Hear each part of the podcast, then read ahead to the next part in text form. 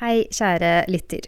Dette er ikke en røver, men ansvarlig redaktør i Røverradioen, Martine Rand, som prater til deg. Og det er fordi akkurat denne uka så skal vi gjøre noe litt utenom det vanlige på Røverradioen. Vi har jo fremdeles eh, litt tid igjen til vi starter på sesong eh, seks i Røverradioen. Og inntil da så har vi hver uke eh, sendt ut en reprise som røverne har valgt til at du skal få lov til å høre på. Men før vi skal høre på reprisa denne uka, så hadde røverne noe på hjertet.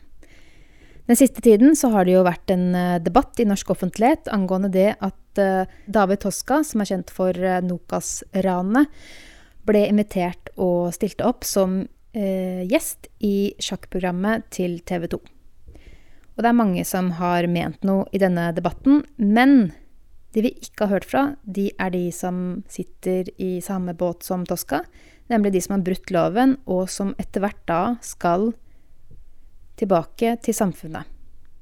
Så derfor så får du altså høre hva gutta i Oslo fengsel tenker om det at David Toska har fått lov til å være gjest i et sjakkprogram på TV 2. Og etterpå så får du kose deg med en reprise.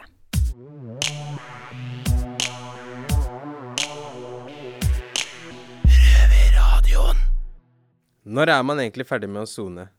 Når man er ferdig med dommen, eller flere år etter det? Hei, jeg heter Samuel og er her med to jailbirds, Mali og Mo. Yes. Halla. Og en uh, eks-jailbird som dere kanskje kjenner til, Simen. Halla.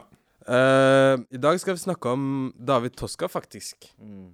Fordi for en stund siden så hadde TV 2 han som gjest, som gjesteekspert. Ja, sjakkekspert. Sjakkekspert, riktig. Så det fikk noen folk til å bade, da. Mm. Folk eh, Jeg syns folk overreagerte, egentlig. Mm, hva, ja, hva syns dere om det? Hvorfor eh, Du vet, han, eh, han er jo ganske kjent for å Nokas-ranet og masse ran eh, i tidlig 2090-tallet, hvis jeg husker rett. Ja, riktig. Og så nå er jo han ferdigsona, ikke sant? Og kar, karen er veldig interessert i sjakk. Det er det jeg har hørt, i hvert fall. Og her i fengsel så er det veldig mange som bruker tid på sjakk, så Ja. jeg regner med at han har spilt en del, da. Mm. Og så får han muligheten til å være med på et par sendinger. Hvis jeg husker rett, var det to sendinger. Ja. Og jeg tenker at han eh, burde få kunne bruke sin sjakkunnskap til noe positivt, da. Mm. Mens folk forbinder jo han bare med det ranet og en politimann som ble drept, og ja de var... sa jo nesten at det er han som drepte politimannen, liksom. mm, Og mm. han prøver å gjøre opp for seg da, og få en ny sjanse i samfunnet, men jeg føler folk uh, putter kjepper i hjula hans. Ja, det er litt kjipt, det. Altså. Har du noen tanker med det, Simen? Ja, nå har jo jeg litt bedre tilgang på nettaviser enn dere, så jeg har lest uh, en del om det. Og folk er jo forbanna, da, og mener at han liksom uh, drar fordel av sin kriminelle fortid, og at også til dels at uh, TV 2 eh, holdt på å si, utnytter den Ja. kjendisstatusen hans. da. Men uh, et av argumentene er jo at, uh, at det er mange i Norge som kan mer sjakk enn han. Og så tenker jeg at det holder ikke helt mål. da, hvis du Jeg vet ikke om dere har sett på de sjakksendingene. Men det er ikke bare folk som kan sjakk der, for å si det sånn. Det er bloggere og influensere og uh, Så det argumentet syns jeg ikke holder vann. Men folk er eh, blir sure, da. De sier at tilbakeføringstanken går for langt. Hva tenker dere om det? Altså, jeg syns det er bare latterlig. Karen har gjort opp sitt. Han har sona ferdig. Og jeg syns han burde få en sjanse. Altså, det er ikke Han sitter ikke og kommenterer eh, ranforsøk eller eh, ransaker. Det er jo sjakkpartier som han er ekspert på. Så jeg, jeg syns de burde gi han en sjanse, da. Nei, jeg er enig. Jeg synes de, han, Det er jo en fin måte for han, for eh, folk som kanskje er kriminelle eller innsatte, da, og vise til at man kan bruke egenskapene sine til noe nyttig. Og selv familien til den døde politimannen, som tydeligvis var et av argumentene deres, har jo gitt han grønt lys og sier at det bare er positivt. Så det er litt rart at, dem, eh, at politiet spesielt, eller andre folk, skal si at det ikke er greit, da. Jeg jobber jo i, i Røverradioen ute selv, og Riktig. eh, bruker også det at jeg har sittet i fengsel Ja, ja. som en aktiv del. Mm, så jeg syns det er veldig rart om, eh, om man håper jeg, skal få yrkesforbud fordi nei, du, har, du har gjort noe galt, så du skal aldri kunne stikke deg fram. Det tenker jeg er en merkelig tankegang, da, og veldig sånn Jeg vet ikke om dere motiveres av å se en fyr med en tung bakgrunn til å som kan stikke hodet sitt fram. Da. Og han, han skal jo ikke snakke om hvor kul han var som kriminell. Han skal snakke om hva sjakken har betydd for han i veien videre. Og det tenker jeg at burde være inspirerende for alle oss. Ja, ja. Når jeg ser han har kommet dit han er i dag, så blir jeg jo motivert. Men også når han får så mye motstand, da tenker jeg liksom hvordan skal man få det til, ikke sant? Ja, ikke sant. Ja, Hva tenker du de negative kommentarene fra folk kan ja, føre til? Ja, folk uh, jobber jo nesten mot han når han uh, Han har jo prøvd å holde lav profil, og så noen år etter Jeg vet ikke når han var ferdigsona, men jeg regner med at det var for noen år siden. Mm. Og så byr han på seg selv, blir invitert til hva enn det er, til å være sjakkekspert, og så får han så mye motgang. Så jeg vet ikke hvordan folk uh, tenker etter det, da. Om de liksom tør å gjøre som David Toska gjør i dag, da. Ja, ikke sant. Jeg syns det er faktisk veldig bra for oss som sitter her i fengsel, å se en kar som kommer tilbake til samfunnet og kan gjøre noe annet enn kriminalitet. da. Det syns jeg er veldig positivt, men du vet, fram- eh, fortida skal alltid komme og bite deg i rumpa. Ja, det er det som du, Simen, som du sa, at uh, du pleier å spille på det noen ganger. Har det skjedd noen ganger med deg at det har bitt deg i rumpa? Nei, nå har ikke jeg vært med på sjakksendingen på TV2 heller. Men eh, eh, jeg tenker jo at vi Når han eh, kommentatoren sa at dette er å ta tilbakeføringstanken for langt altså jeg, jeg skjønner ikke hva det betyr engang. Ja. Betyr det at eh, og, og hva Hvor går den grensa? Ja. Eh, og vil jeg Altså hvis, du har vært med på en så, så stygg ting, da Og selvfølgelig, det er jo ikke noe Det å planlegge et stort uh, væpna ran er jo ikke noe ålreit. Men uh, han, uh, han, han skal ikke snakke om, om sin kriminelle fortid. Han skal snakke om hva sjakken har betydd for han. Og det tenker jeg bare kan være bra, da. Ja, helt enig. Helt enig. Men tenker dere at han burde få kommentere sjakk? Ja, Jeg syns det, ja. Ja, han burde Så lenge han skal snakke om sjakk, så Ja, skjønner jeg ja. ikke hva, problemet er problemet her, egentlig. Men men de, de mente jo, politiet mente jo at han på en måte glorifiserer kriminalitet. da. Og det skjønner jeg ikke, fordi han bare sier hei, bonde til den steget der, og så løper han, ja, løper han hit, og skjønner du? Det er ikke sånn at han sier ja, ta den bonden der, og så kan du rane en bank etter det. Det ikke... Nei, men det er jo som du sa, Simen, at eh, det med at eh, å bli tilbakeført i samfunnet, og hvor langt den grensa går, og noe med rehabilitering, er jo at vi skal ut i samfunnet en gang. Og jeg lurer på hvordan er det mulig å fungere som et normalt menneske når mm, muligheter som kanskje er positive, da, blir begrensa pga. din eh, bakgrunn, da. Du er liksom en bad guy. Du er en dårlig fyr. Du Ja. kan aldri Du vet, jeg tenker litt sånn Hvordan folk har reagere nå, da. Det er liksom nesten som at David Toska er en pedofil som skal jobbe i en barnehage, ikke sant. Det er liksom Folk har virkelig overdrevet denne saken her. Ja. Mens han jeg, Når jeg ser på han snakke, han Det ser ut som han har forandra seg, da. Dere så på sendinga, eller? Ja, Jeg så litt på sendinga når han uh, snakka litt om uh, hva han tenker selv. Hva, hvordan folk reagerer og sånt. Han var liksom Jeg skjønner og Det var ikke noe liksom sånn for han at jeg burde få en sjanse og Han liksom prøvde å bare dempe det ned, da. Så jeg føler han egentlig har forandra seg, da. Han har jo sona dommen sin ferdig. Han er jo ferdig, liksom. Det, han har tatt tida si, han har gjort greia si. Det er ikke Å bli straffa enda mer syns jeg er feil. Ja, det bør ikke følge han i hele livet, resten av livet hans, liksom. Det, det, det er akkurat det politiet driver med. vet du. De skal alltid prøve å dra frem det som har skjedd tidligere. Sånn at, du ikke, så, så, sånn at vi har mindre muligheter da, enn folk flest. Men eh, hva tenker dere om de negative kommentarene kan føre til, da? For f.eks. oss, da.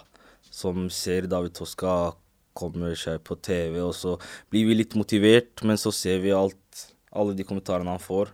Hva- Hvordan tenker du vi reagerer på det, ja?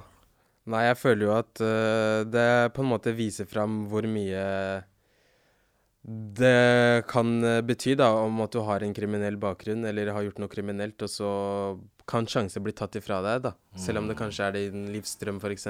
Riktig. Og så har du ikke mulighet til å oppfylle den fordi du har gjort noe galt tilbake i tid. Selv om du har sona for det. Tosca begynt, spilte jo sjakk lenge før han ble kriminell Ja, også. Så, jeg vet det. Ah. men eh, ja. Nei, jeg tenker jo at Ja, så det er nok noe han har øh, villet lenge, holdt jeg på å si.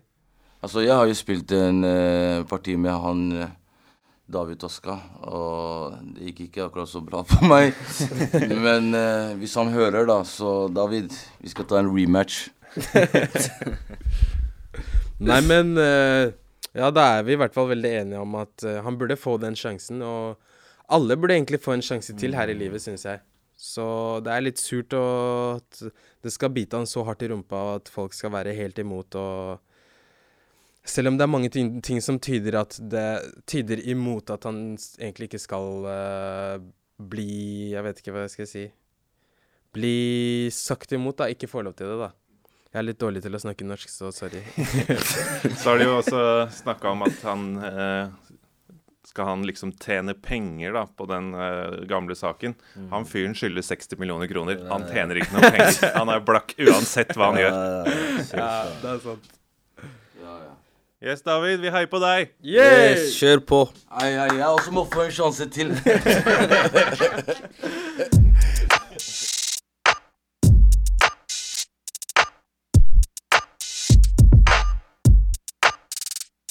Hallo, hallo, hallo, og velkommen fra Oslo fengsel, fra Røve Samuel og Røve Lars. Hva skjer, Lars? Nei, det er fint vær ute, og vi prater om dødsstraff. Ja, vi holder fortsatt på med ny sesong til Røverradioen, så i mellomtiden så har vi tenkt å gi dere en liten godbit som handler om dødsstraff. Når noen uh, gjør noe kriminelt, bør man straffe kroppen deres eller sjela deres? Ja, det er jeg litt usikker på, men meg personlig, så Det er det sjela. Du, da? Det, ja. Nei, jeg tror jeg hadde tatt noen piskeslag i en liten stund istedenfor å sitte her inne, altså. Eh, hva syns du om at folk vil ha dødsstraff? Nei, jeg er jo personlig mot dødsstraff, da. Jeg, jeg mener jo at kriminalitet vil bli hardere hvis vi hadde hatt dødsstraff. Samme gjelder jo i fengslene. Da ville det vært mer vold i fengslene, overfor betjenter bl.a. Innsatte. Ikke sant, ikke sant? Fordi de ikke har noe å tape, da, tenker du på, eller? Jeg tenker det.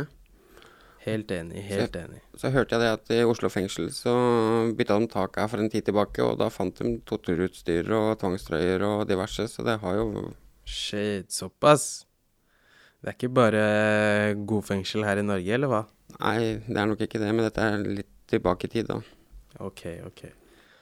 Men uh, da får jeg håpe dere er like spente som oss på denne episoden her. Jeg skal i hvert fall eh, ta og sette meg ned i godsenga på cella. Ta og drikke litt melk. og kose meg. Hva med deg, Lars? Nei, jeg skal sette meg på godsenga selv, jeg, og høre på episoden. Det er bra, det er bra. Vi burde gjeninnføre gapestokk og henrettelser i Norge. Jeg tror jeg har fått øye på de mistenkte. Over. Hva ser du? Over. De har gått inn en dør. De slår på noe som ser ut som en eh, maskin. Nå går de bort til et høyt bord med noen svarte ting. Kan se ut som et våpen. Over. Vent. Får videre instruks. Over. Nei, vent! Det kommer på en rød lampe. Over. Røverradioen. Norsk fengselsradio.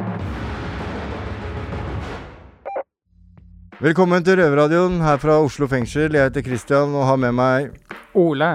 Hei, Ole. Hei sann.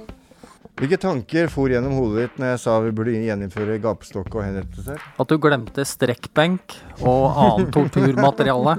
Det var det jeg gikk gjennom hodet. Ja, godt poeng. Som du sikkert har skjønt, så skal det i dag dreie seg om en av de verste straffene man kan få, nemlig dødsstraff.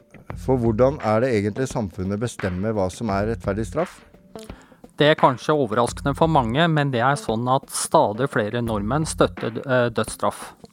En utvikling Amnesty International og Advokatforeningens menneskerettsutvalg er bekymret over. Eh, og Bakgrunnen for det det er en undersøkelse fra 2019 som viser at 40% av menn og 25% av kvinner i Norge mener at dødsstraff kan være en rettferdig straff. Eh, og da må vi ha litt hjelp, eh, så vi skal få inn to gjester her i studio i dag. Ikke sant, Kristian? Ja, nemlig rettshistoriker Jørn Øyrehagen Sunde og filosof Ole Martin Moen. Han filosofen har også skrevet en artikkel hvor han faktisk argumenterer for fysisk straff. Hva tenker du på da? Piskeslag, strekkbenk? Ja, han Ja. skriver om en veldig spesifikk type fysisk straff, men ja, vi skal høre mer om det også. Ja, vi skal høre fra noen innsatte i San Quentin State Prison i California som sitter på livstid, og som forteller eh, hvilket eh, inntrykk de har av eh, innsatte da, som sitter på såkalt death row. Ja, for det er jo sånn at man får faktisk ikke snakke med de som sitter på, på death row. Det er helt riktig. Men ja, da er vi klare for å ta imot gjester da, Ole? Ja, det er vi.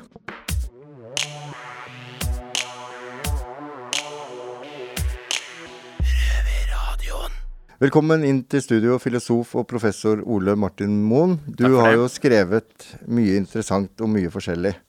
En av de tingene er fysisk avstraffelse, altså at du kan bli dømt til fysisk straff. Og ikke nok med det, vi har en gjest til her i studio. En, en professor som tidligere år holdt noe som kalles Årebrått-forelesningen i Bergen, hvor han gikk gjennom 1000 år med norsk rettshistorie på 200 minutter. Rettshistoriker Jørn Øyrehagen Sunde, velkommen skal du være. Takk skal du ha. Uh, først uh, spørre deg kanskje, Jørn. Uh, hvor lenge har samfunn straffet folk? Uh, alltid. Så enkelt er det. Eh, og da ser vi, for at eh, Hvis en tenker seg at noen flytter i lag på hybel for eksempel, og deler kjøkken og bad, så vil de nesten med en gang begynne å lage normer for hva som er rett, og sanksjonere brudd på dem. Altså Hvor lenge kan oppvasken stå før det er rett å ta den, og hva konsekvenser har det at du ikke tar den. Så Det er noe med at det menneskelige samfunnet alltid lager seg normer for å sikre at fellesskapen glir ganske over seg sjøl, og så har de sanksjoner. Men med en gang du får en eller annen slags form for gruppedannelse, så blir jo de mye strengere være disse sanksjonene. Men opprinnelig så er det utstøtelse da, ifra gruppa som er den ultimate sanksjonen. Mm. Det høres kanskje litt dumt ut, men eh, hva er egentlig poenget med å straffe folk?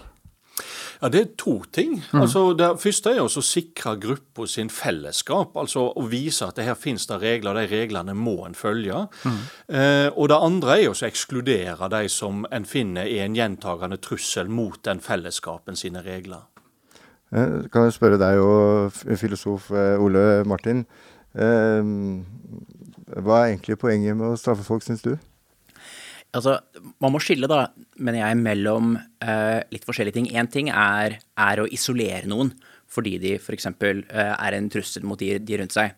Det er ikke nødvendigvis det samme som, som straff. Eh, og man kan ønske å rehabilitere, altså gjøre noen bedre. Eh, slik at de ikke lenger er en trussel. Men verken isolasjon eller rehabilitering er i seg selv straff. Straff er jo et tilsiktet onde. Mm. Og det er egentlig to sånne hovedbegrunnelser for det. da. Én er jo at en litt sånn tilbakeskuende, som er at man på en måte fortjener uh, en straff. Noen har gjort et eller, annet, et eller annet galt mot noen. Og for å på en måte komme litt nærmere og rette opp i en urettferdighet, så skal man på en måte påføre et onde tilbake. Det er på en måte sånn tilbakeskuende syn. Eller man kan tenke motsatt, at det er for fremtiden. Det er for å avskrekke en selv og andre fra å gjøre noe slikt fremover. Så enten er det altså at noen fortjener det, eller det er på en måte samfunnsnyttig. da. Det er på en måte de to hovedbegrunnelsene for å påføre tilsiktede onder. Mm. Det fører meg egentlig til neste spørsmål. fordi Hva er det som bestemmer hva folk tenker er en rettferdig straff? Eh, spør deg først, jeg. Ole Martin. Ja, altså, Det er jo på en måte et litt sånn sosiologisk eller psykologisk spørsmål. Altså, hva er det som får folk til å tenke at det eller det er rettferdig? Det må jo komme litt an på hvordan man vurderer de forskjellige eh, kriminelle handlingene. Hvor alvorlige brudd de er. Og så hvor alvorlig man ser forskjellige straffemåter for å være. Mm. Um.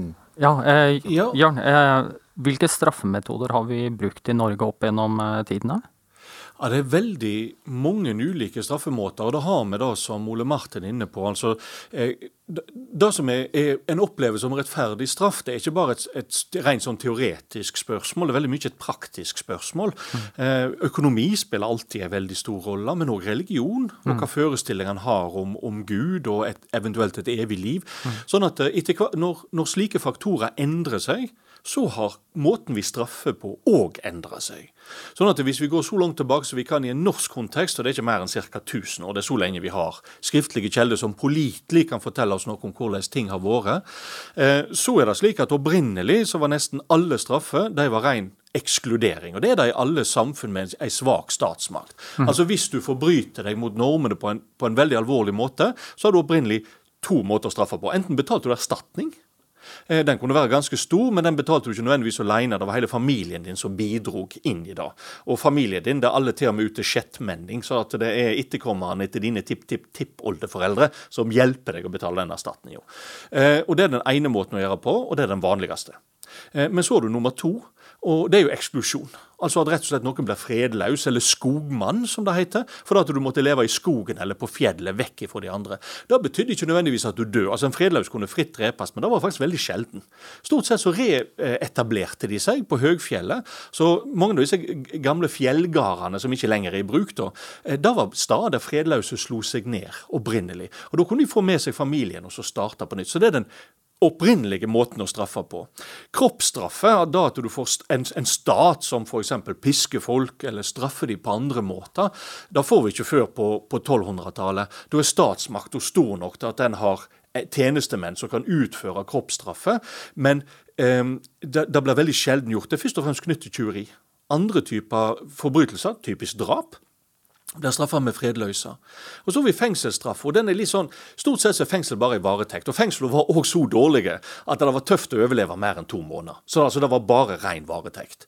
Eh, fengselsstraff i stor stil da får vi først på, på 1700-tallet. Så det er den siste type straff som kommer, og det er fordi den er så kostbar. Men dødsstraff? dødsstraff ja, den, den første dødsstraffen vi kan identifisere, var ikke overfor frie menn. Det var helt utenkelig. Den er overfor træler, mannlige træler som stjeler. Eh, den straffa er slik at da skal du ta den mannlige trælen ned i flomålet, altså det, det stykket som blir dekka av flosjø, men er tørt når det fjører sjø. Så skal du være der på fjøra sjø, og så skal hodet knuses. Det er ikke noe halshogging. Altså det er en veldig brutal, veldig brutal straff. Og òg det skjer i flomålet. For oss er det ubetydelig plassen. Men flomålet det er den staden der du, du blir fratatt på en måte sjansen til noe liv etter dette. Flomålet er en magisk stad som bringer det rett ned i det som de kalte for hel. Altså vår tids helvete, rett og slett. Så flomål og ur det er de verste plassene du kan dø. Så Det er den første dødsstraffa, men, men dødsstraff sånn som vi forbinder det, at alle kan bli, bli dømt til det, det er 1274, og det er henging for tjuveri. Mm. Men hvor, hvor, lenge hadde vi dødsstraff i Norge? 1870-tallet. Da uh, har vi den siste dødsdommen, og så har vi dødsstraff fram til 1902 i, i vanlige saker. Og så Eh, er det vel ikke så lenge etterpå at òg uh, dødsstraff i, i militære saker blir oppheva. Men for all del, den ble jo reinnført etter, krigen. Og vi henretter ca. 30 personer rett etter krigen. Det er litt over 70 som blir dømt til døden, men det er bare 30 som blir henrettet. De andre blir benåda etterpå. Mm. Jeg mener å huske jeg har lest at det siste ble henretta i, i 1948. Kristoffer et eller annet, ja, tror jeg han het. Det kan nok stemme. Det er veldig seint. For at når du kommer litt lenger ut på, i 48, så begynner de med, med massiv benådelse. Først til livstidsstraff, og seinere så slipper de fri. Ja, Så det kan nok stemme, ja. Mm. Men det ble vel sånn, jeg mener jeg også har lest at det ble helt avskaffa i Norge i 1978? Ja vel. Ja. Da er sikkert da i, i, krigstid, altså at det er den, den, delen som henger igjen så lenge. Ja, ja men, men, tenker du, hvis det hadde blitt krig igjen nå, da, ja. tror du det hadde blitt innført igjen? Ja, det tror jeg faktisk. Mm. Ja, Ole, er du for eller mot? Jeg er for eh, dødsstraff. Ja.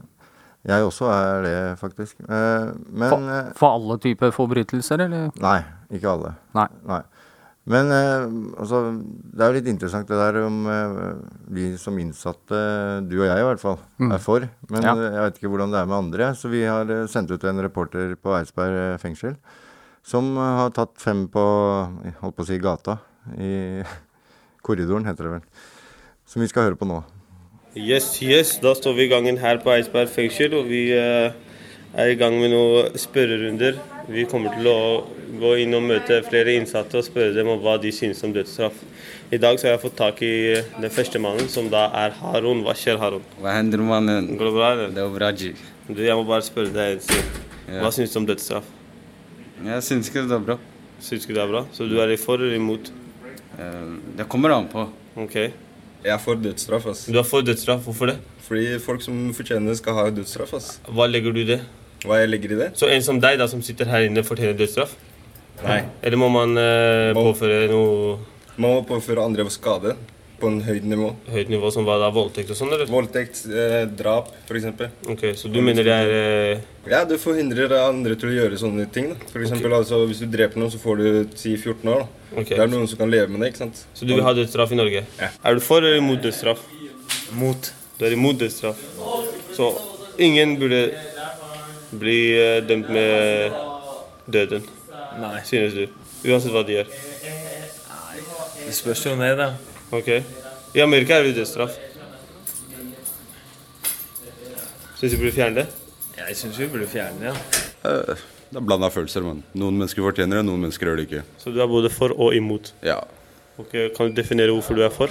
Fordi det er visse mennesker som gjør ting som gjør at de fortjener å dø, og visse mennesker som gjør ting som folk sier de skal dø for, som de ikke trenger å dø for. Jeg syns det er helt riktig. Hvorfor jeg mener det? Ja. Ja, jeg mener Det spørs da hvor eh, grovt det du har gjort. da.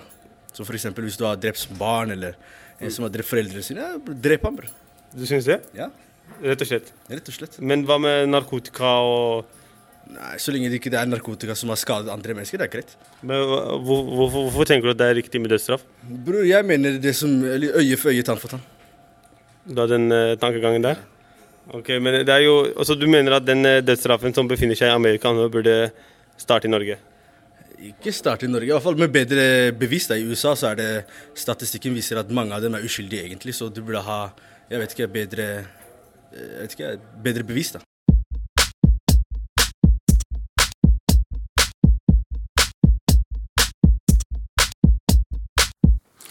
Ole Martin, du har jo skrevet en artikkel hvor du argumenterer for fysisk avstraffelse.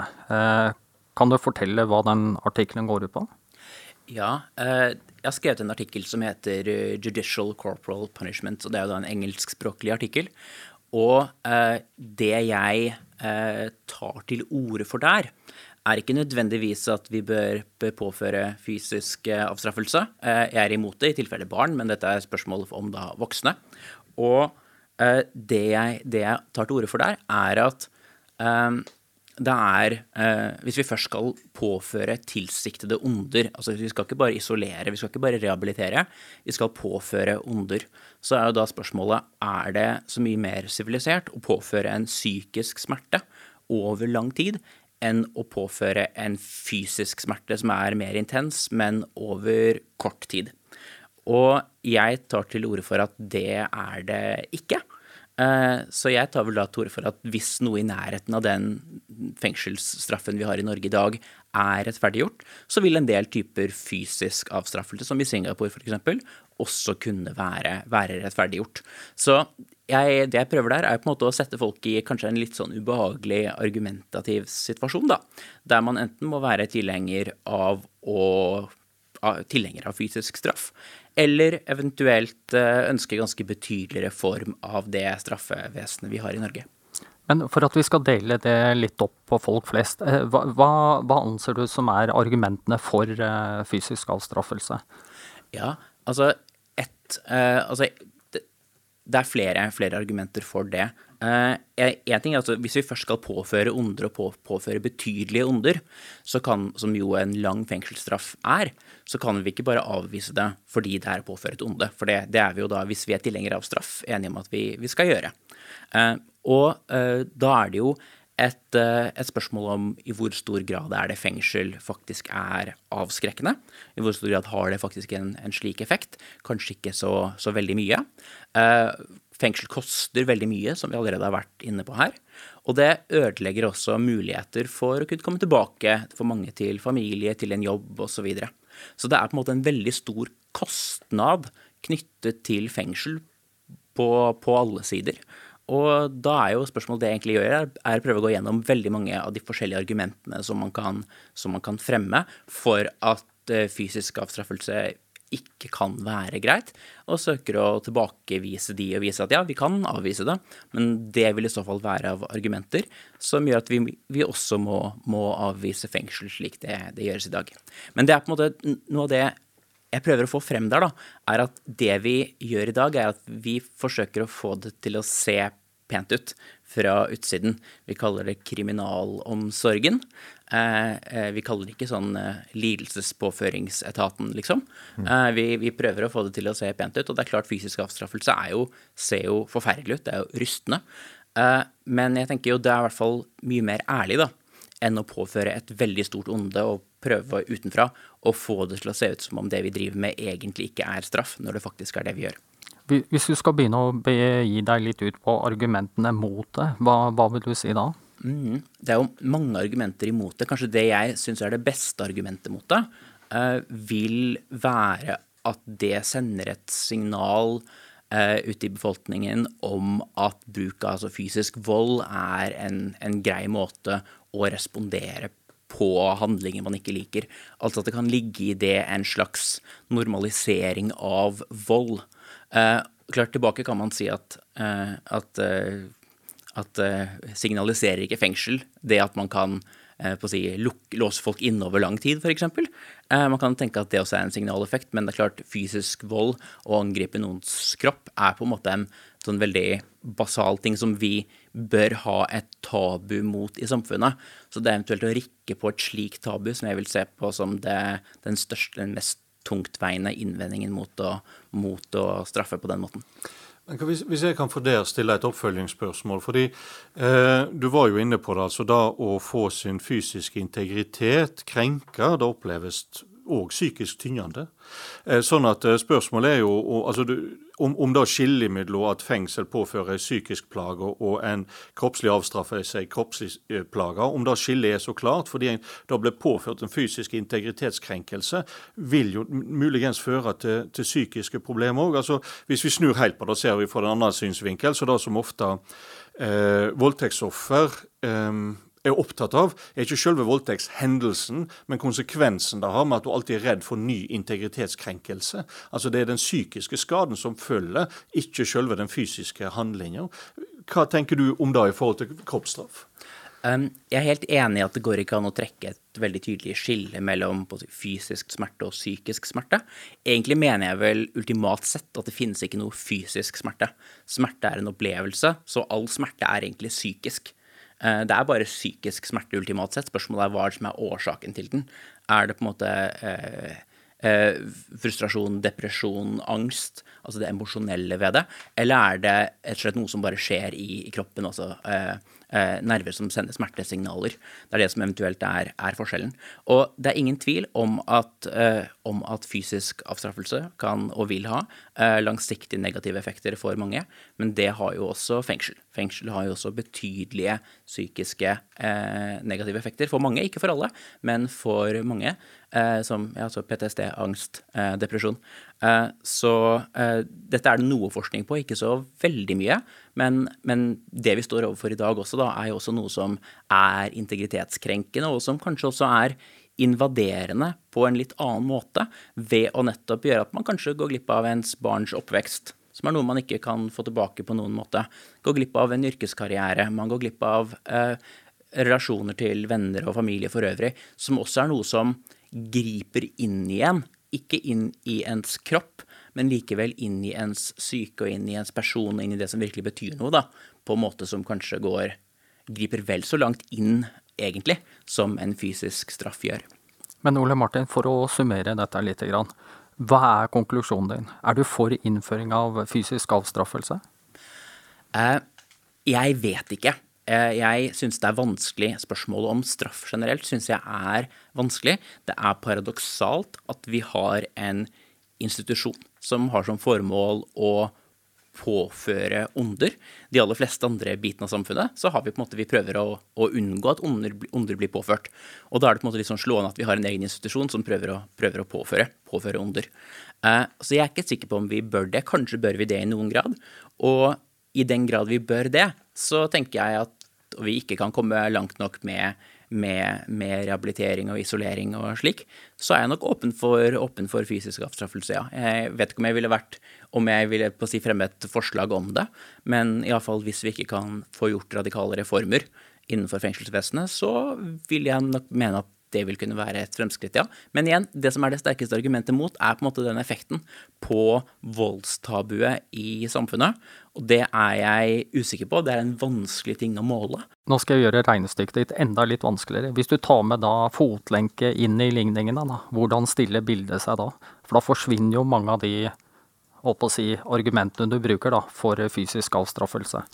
Ja, altså det, det kommer an på hva, hva, man ser på fotlenke som. Fotlenke er jo i eh, noen grad en straff. I noen grad er det en inkapasitering, fordi man må holde seg på et visst område, og man er på en måte overvåket. Så det er ikke en ved fotlenke så er det vel ikke straffmomentet som kanskje er det fremtredende. Jeg er nok i utgangspunktet tilhenger av fotlenker. Det virker som en god, god løsning. Også det å til felles med fysisk avstraffelse at det er ganske billig. Eh, og man kan jo tenke seg det at ved å begå kriminalitet, så på en måte er det en del ting hva angår ens privatliv og slikt, da, altså det å ikke bli overvåket f.eks., som man kanskje må gi opp, vel så mye som å gi opp friheten sin. Eh, så jeg er nok i utgangspunktet veldig positiv til, til fotlenker. Men eh, det jeg uansett tar til orde for, er jo ikke at, jo ikke at, jo ikke at fysisk avstraffelse uansett bør være på en måte den eneste formen for eh, reaksjon fra samfunnets side. Det er jo bare spørsmålet bør dette være en del av repertoaret også. Hva mener du? Jo, for så vidt enig. Hva tenker du, Jørn? Ja, altså det, eh, ja, altså jeg, jeg, har ikke en, en, idé om de universelle rett eller galt i dette spørsmålet, men fra en rettshistorisk synsvinkel så er det tre ting som bekymrer meg. Det ene er, har Ole Martin allerede vært inne på. Altså dette med at hvis du får større grad av statlig vold, så får du en større grad av aksept for vold i samfunnet. Um, generelt rettshistorisk så vil jeg vel si at eh, desto mer Altså, et samfunn har jo blitt fredeligere og fredeligere desto mindre fysisk vold staten bruker. Men det er veldig vanskelig å se på årsak-virkning i den sammenhengen. Vi kan bare si at det er iallfall et sammenfall. Eh, og jeg kan ikke helt forklare hvorfor det skjer. Men jeg har vanskelig for å se at et samfunn der en øker den fysiske avstraffelsen og minker samfunnsvolden generelt, kan du si. Jeg har vanskelig for å finne et eksempel på det rent rettshistorisk. Åpen for at det kan finnes, men jeg har vanskelig for å se det. Så det er det ene. Det andre som eh, bekymrer meg, det er rett og slett et klasseperspektiv. Nå har vi ikke snakket om klasseperspektiv liv siden 70-tallet, tror jeg, omtrent. Men av og til så liker jeg å få det inn. Fordi eh, hvem er det da en vil fysisk avstraffe? Altså Er det snakk om at de som driver med hvitsnippforbrytelser skal piskes, eller på annen måte fysisk avstraffes, eller ei? Altså Allerede i dag så er det veldig stor forskjell i hvem som blir, blir sendt i fengsel, og hvem som får fotlenke. Og det er klart at eh, fysisk avstraffelse tror jeg vil følge de samme, lenke, eh, samme linjene. Og da kommer du i en situasjon som du har den som du f.eks. har i USA, at det er et, det er et spesielt segment av folket som blir utsatt for den type statlig vold, eh, ikke resten. Og jeg mener at eh, desto lenger du skyver deler av samfunnet ut og sier at staten bryr seg så lite om deg, at vi òg bruker den type vold, eh, så tror jeg at du får mindre samhold og mindre fellesskap i samfunnet. Så det er det ene. Og så har vi det siste, og da er vi tilbake til utgangspunktet mitt. Altså, da å få sin, sin kropp krenka. Altså, Tenk dere at dere er ute på byen, og noen kaller dere en hestkuk eller noen slår til dere så dere ramler på gata. Det oppleves utrolig ulikt.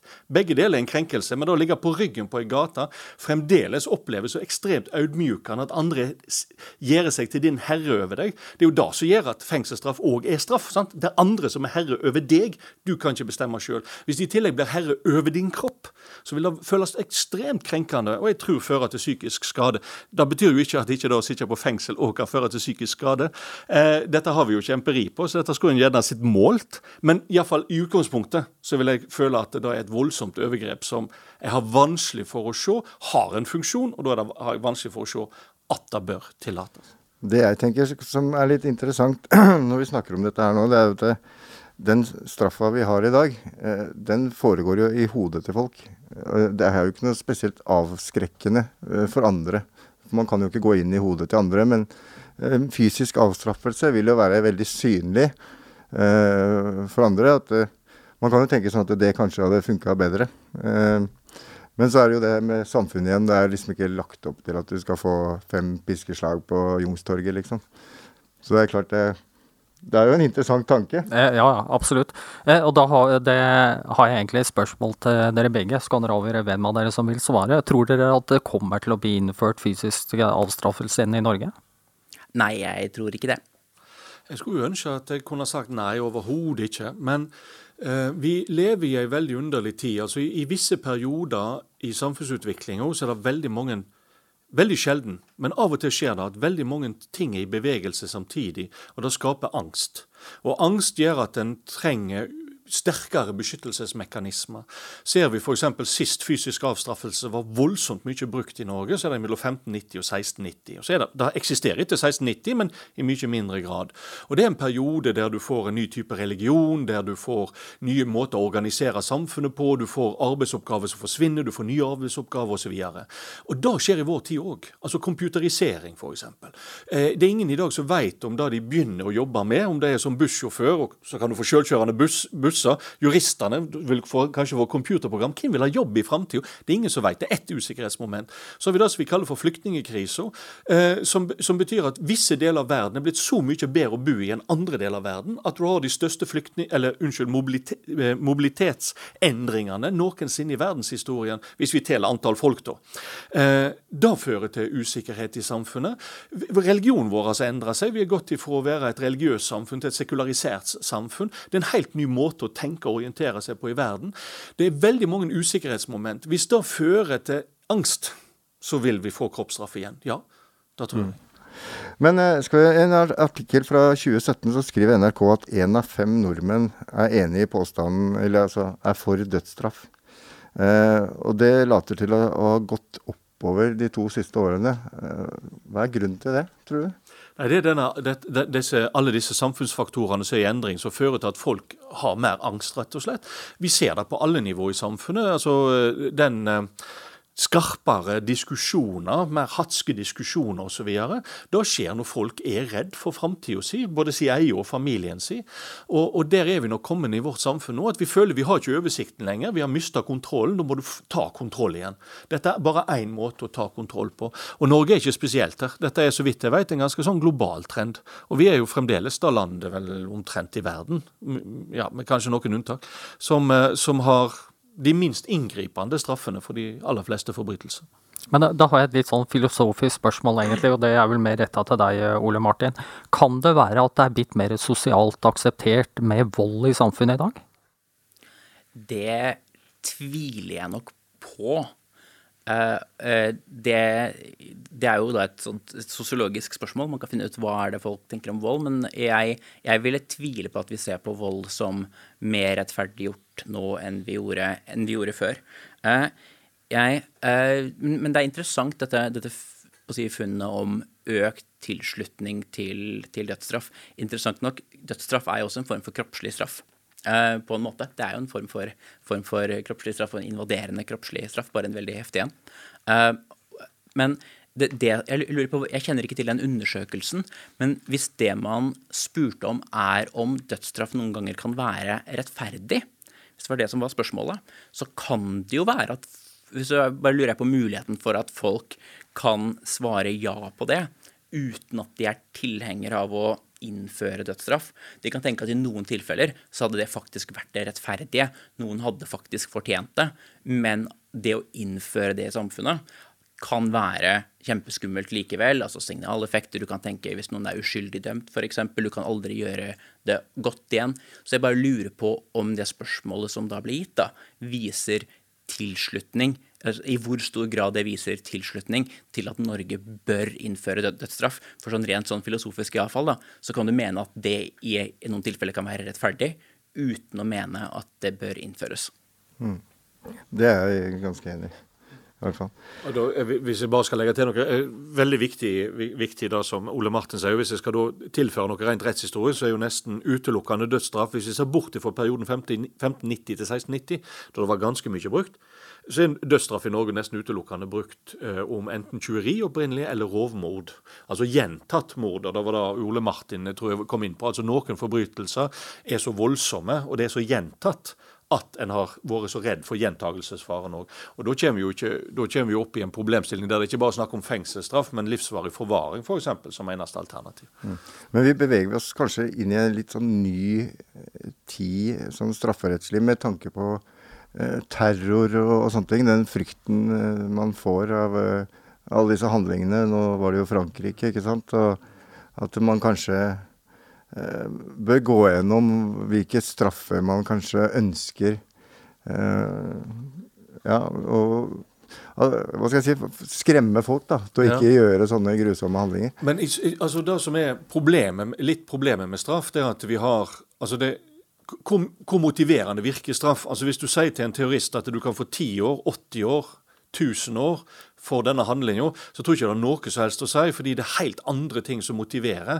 Og vedkommende vet at eh, konsekvensene av å gjøre dette blir ganske grusomme, men du har en idé om et evig liv og, og betaling der, f.eks. Eller det kan være massiv frustrasjon, det kan være også, eh, psykisk sykdom. Veldig mange ting. Altså, Strenge straffer har en funksjon i samband med terror, men det er for at samfunnet føler seg tryggere. Mm. Det er ikke for at du moti eh, tar vekk noen sin motivasjon. Det tror jeg ikke. Så dere, dere tror ikke at det blir dødsstraff i Norge igjen? Jeg vet ikke, jeg tviler nok på det, men jeg tror nok, særlig overfor terror og slik, så tror jeg det er en, er en sånn eh, på å si en sånn folkelig vrede som eh, bygger seg opp, og en frykt som bygger seg opp, og som kanskje er vanskelig for å helt finne utløp i samfunnet ellers. Du får si, protestpartier og slike ting som virkelig ønsker å rokke ved hvordan ting er. Og det er klart, da kan det jo plutselig skje at vi får en, får en omveltning. Eh, så det er veldig vanskelig å kunne si, forutsi hva som kommer til å skje. Jeg tror også det er en mulighet for at vi kommer til å innføre dødsstraff, men jeg tror det ligger, i så fall hvis vi skulle gjort det i Norge, et godt stykke unna. Jeg tror det er ganske store krefter i Norge, kanskje generasjonsmessig også, som vil gjøre at det vil være en betydelig Det vil være vanskelig å få flertall på Stortinget for det. Men syns dere det er umoralsk med dødsstraff? Uh, umoralsk er litt vanskelig å si. Uh, igjen, så jeg, jeg, jeg, jeg, kan- jeg kan ikke si at det er et universelt som filosofisk forbud mot dødsstraff. Det kan jeg ikke se. Jeg vil si at i, i noen konkrete situasjoner, f.eks. rett etter krigen, så var nesten dødsstraff nødvendig. Fordi Hvis ikke så ville du ikke komme inn i samfunnet sin rehabiliterende fase. Jeg sier ikke at dødsstraff var bra, men jeg tror faktisk det var nødvendig. Eh, Så i visse situasjoner så tror jeg dødsstraff kan ha en funksjon, ikke overfor den kriminelle i det hele tatt, eller motivere andre til å ikke gjøre noe, men jeg tror det rett og slett er, nødvendig for at samfunnet sin aggresjon skal komme ut i kontrollerte former, og ikke eh, ved selvtekt. Men, men jeg tror det er veldig få sånne situasjoner som oppstår i et samfunn. Eh, Da, da skal det veldig spesielle ting til. Men jeg har merka meg at det, vi har gått litt ifra at det er terroristen som er den skumle personen som er samfunnstrusselen, til at det er den pedofile. Og Det er derfor du har fått denne aksjonen, jeg tror det er mannegruppa Ottar, sånn, som aksjonerer mot folk som ikke er dømt for pedofili, men, eh, eller er, kan være dømt, men iallfall har sona ferdig, eventuelt er blitt tiltalt, men ikke dømt, for å markere de, altså rett og slett sosialt stigmatisere de i sitt lokalsamfunn. Det er en veldig interessant, altså det er en tragisk ting, men det er en veldig interessant ting, for den viser at dette her, den samfunnsangsten og da sinnet kan føre til selvtekt, som vil være det absolutt verste. Så du tenker mer på den allmenne rettsfølelsen, det er det du vil fram til? Ja, jeg tror ikke dødsstraff har noe sånn For at det, vi, vi, altså, Forbrytelser vil jo av og til være et spørsmål om kalkulert risiko. sant? Altså, Jeg gjør dette, og hva er sjansen for å bli oppdaga? Eh, og hva er konsekvensene av å bli oppdaga? Men vi har, tror jeg, og men dette er Ole Martin sitt felt mer enn mitt, men jeg tror vi har litt begrensa evne til å kalkulere ting fram. Og, og dødsstraff blir en så fjern eventualitet, tror jeg. Og før korona eh, så dro redaksjonen i Røverradioen ned til St. Quentin-fengselet i California eh, med ansvarlig redaktør Mina Hajin, redaktør Martine Rand og daglig leder Knut Erik Vold. For der har de også fengselsradio, eh, Air og de de skal snakke med er ikke dømt til døden, men de har fått livstidsfengsel. Og vi skal høre hva slags inntrykk de har av de dødsdømte som sitter på death row der nede. Well, my favorite story from Air Hustle is definitely the death row story. Because it's a world that I really had no clue about what was going on there and, and, and mm. who they were as people. Mm. By listening to that story, for me, the strength that they had to go on, because, you know, most of us are lifers, right? Mm. And it takes a lot just to, to, to carry on every day with a life sentence. But with a death sentence, that's a whole different struggle. So for me, what was interesting was like, how do you find hope in a situation like that?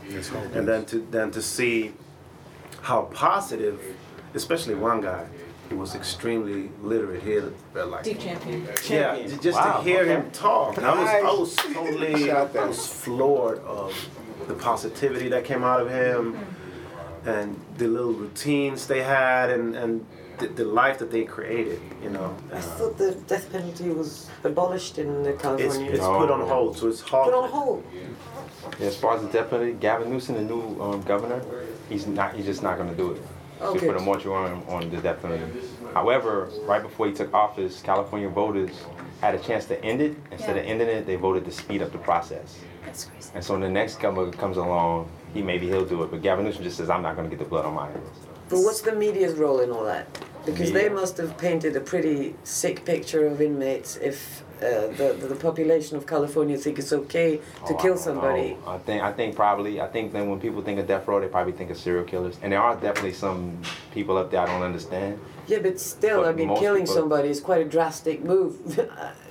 no matter what you've done, you know, if you and if you if you've done something really, really, really crazy, then I think the role I think the role that the media played is that they didn't play enough role. Yeah. So when the death penalty like really was like pushed, like it again it was just, it was sensationalized, right? And everything from movies, books, songs, right, has portrayed the uh, uh, the condemned role as a place of having everybody in there that's like Charles Manson and like Hannibal Lecter mm-hmm. and just all of the people that like the world just teaches you to fear mm-hmm. Mm-hmm. when I don't think the public really knows the ins and outs of what it takes to to have to have a crime be considered a, a capital crime Yeah. and a person be sent to death.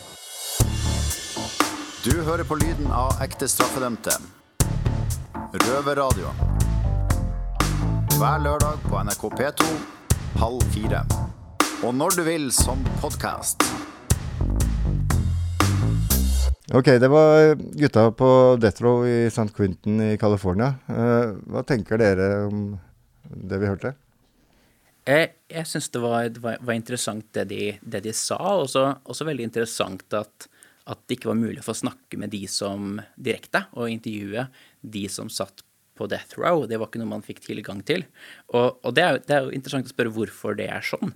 Og jeg lurer jo litt på om, om man på en måte ønsker at death row skal være litt sånn myteomspunnet og mystisk og forferdelig, og noe som på en måte eh, forestillingsevnen din kan forsøke å se for seg hvor grufullt det er, og at man eh, kanskje tenker at hvis man har for direkte kommunikasjon utad med de som er der, så kanskje avmystifiserer man det på en måte man kanskje ikke ønsker. Så jeg, det var noe som slo meg litt der, at ja, hva, hva, hva er det på en måte en stat sånn sett da prøver å liksom ikke gå inn i detaljene på, for at man nettopp skal se for seg kanskje at det er verre enn det egentlig er. Eh, Det fikk meg til å tenke på en av de siste dødsstraffene som ble eh, eksekvert eller ble utført i Norge. Det er i 1947, og det er en av de som ble dømt etter andre verdenskrig. Fordi Den diskusjonen den minte meg om dette med at eh, det er òg et spørsmål når du, hva er rettferdig straff. Hva fokuserer en på? Fokuserer en på handling eller på person? For her snakket de jo både om personer som de hadde møtt, som, som satt der og venta på dødsstraffa si, som, som, som kunne være kloke folk og, og humoristiske folk. Og så snakket de òg om dette med seriemorder og de grusomme handlingene. Og de tingene kan av og til stå opp imot hverandre. Og en av de siste som ble henrettet skutt på, på Sverresborg i Bergen, heter Holger Tau og var fra Stavanger. Veldig interessant sak, fordi når du leser hva han ble dømt for, han var torturist for Gestapo. Og det han gjorde er så grovt at du, du ble rent Magen vrenger seg når du leser det.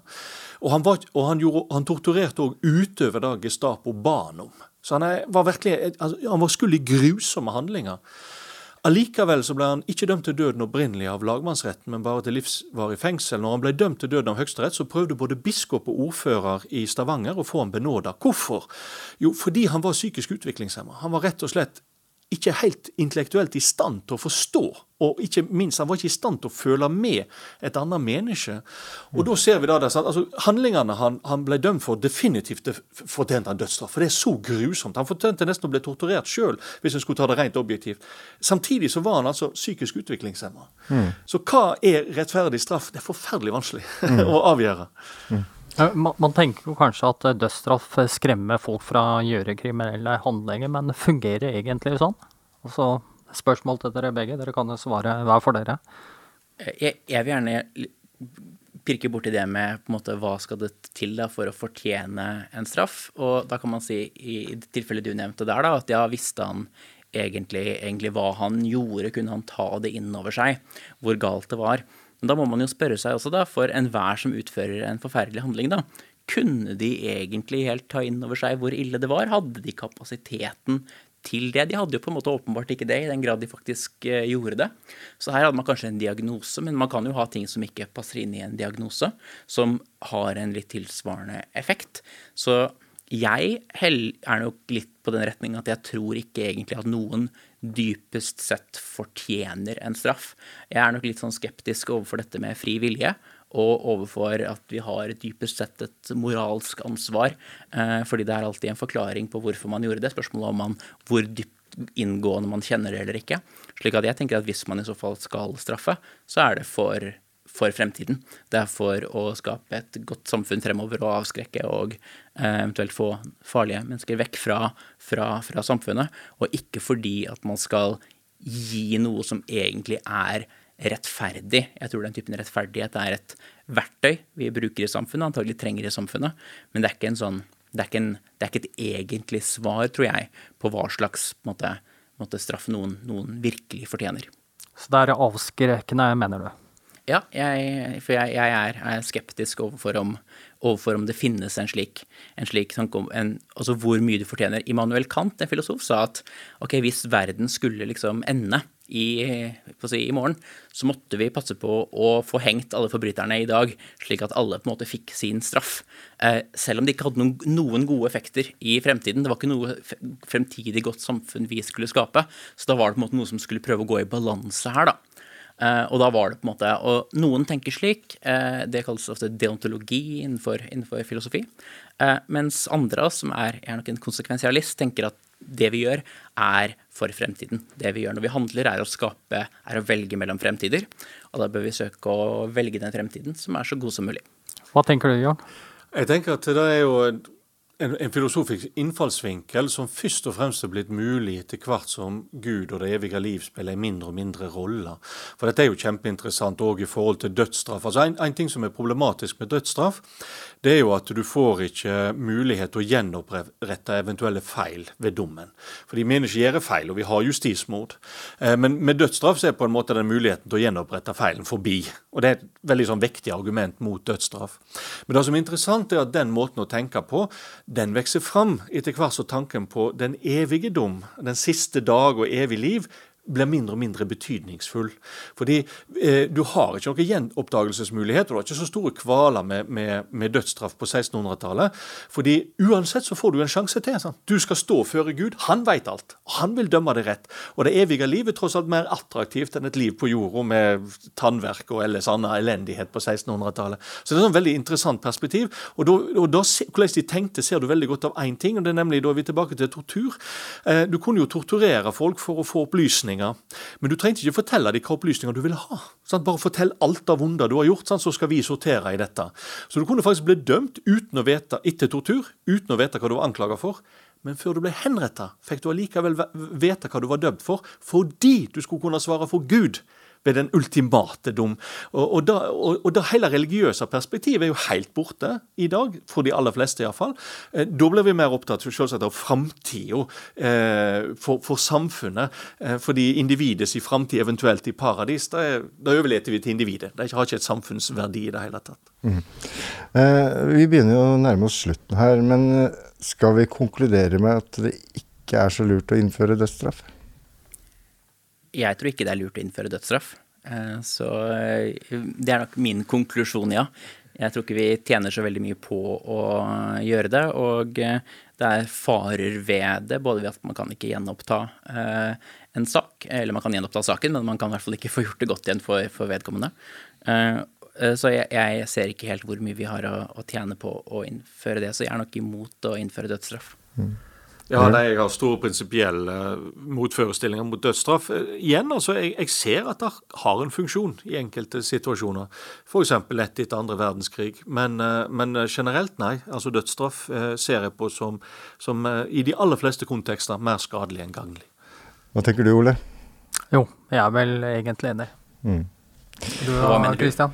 Nei, jeg, jeg, er også enig i det. Altså, man kan jo se kanskje behovet noen ganger eh, når folk gjør noe forferdelige greier, at man kanskje ønsker å liksom ta igjen. Ja, det At blir litt lett å rive seg med hvis du, du ser på Brevik-saken og sånn. Da er det mye lett for, altså veldig lettere å argumentere for dødsstraff, og folk vil kanskje akseptere det mye mer enn f.eks. hvis folk har gjort et mord ved et uhell, om jeg kan si det på den måten. da. Mm. Så, men, eh, men jeg må bare si tusen takk for besøket. Ja, tusen takk. Professor i rettshistorie Jørn Øyragen Sunde og filosof og etikkprofessor Ole Martin Moen. Takk. Tusen takk for at vi fikk komme. Takk for at vi for en komme. veldig fin Ja. samtale. Ja, veldig hyggelig.